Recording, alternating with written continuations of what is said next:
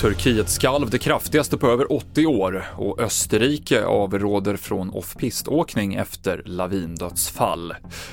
Vi börjar inrikes. En man i 40-årsåldern döms till rättspsykiatrisk vård för dubbelmordet i Mälarhöjden i södra Stockholm i maj förra året. Offren var hans syster och hennes sexåriga son som befann sig i sitt hem när de blev attackerade och knivhuggna. Mannen som förnekar brott har en lång historik av psykisk sjukdom och våldsbrott. Över 1300 människor har omkommit i Turkiet och Syrien efter jordbävningen i sydöstra Turkiet i natt.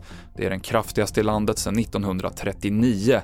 Räddningsinsatser pågår både i Turkiet och Syrien efter de ovanligt kraftiga skalven och man befarar att dödssiffran kommer stiga ytterligare.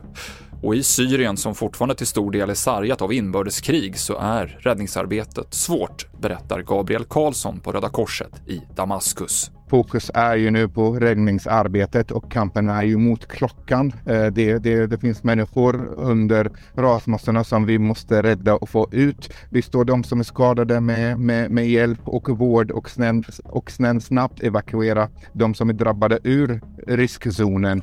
Och vi pratar om ett land som har redan en infrastruktur som har raserat på grund av beväpnad konflikt och riktigt hårda sanktioner. Det är brist på bränsle eh, och maskinerier så vi kämpar på med de medel och de resurser vi har i landet.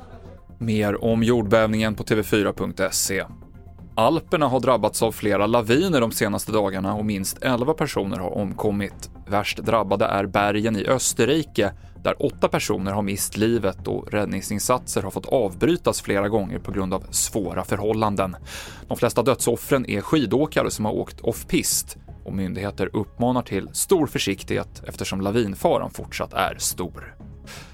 Vi avslutar med motorsport. Den klassiska speedwayklubben Masarna från Tony Rickardssons hemort Avesta drar sig ur årets speedwayliga.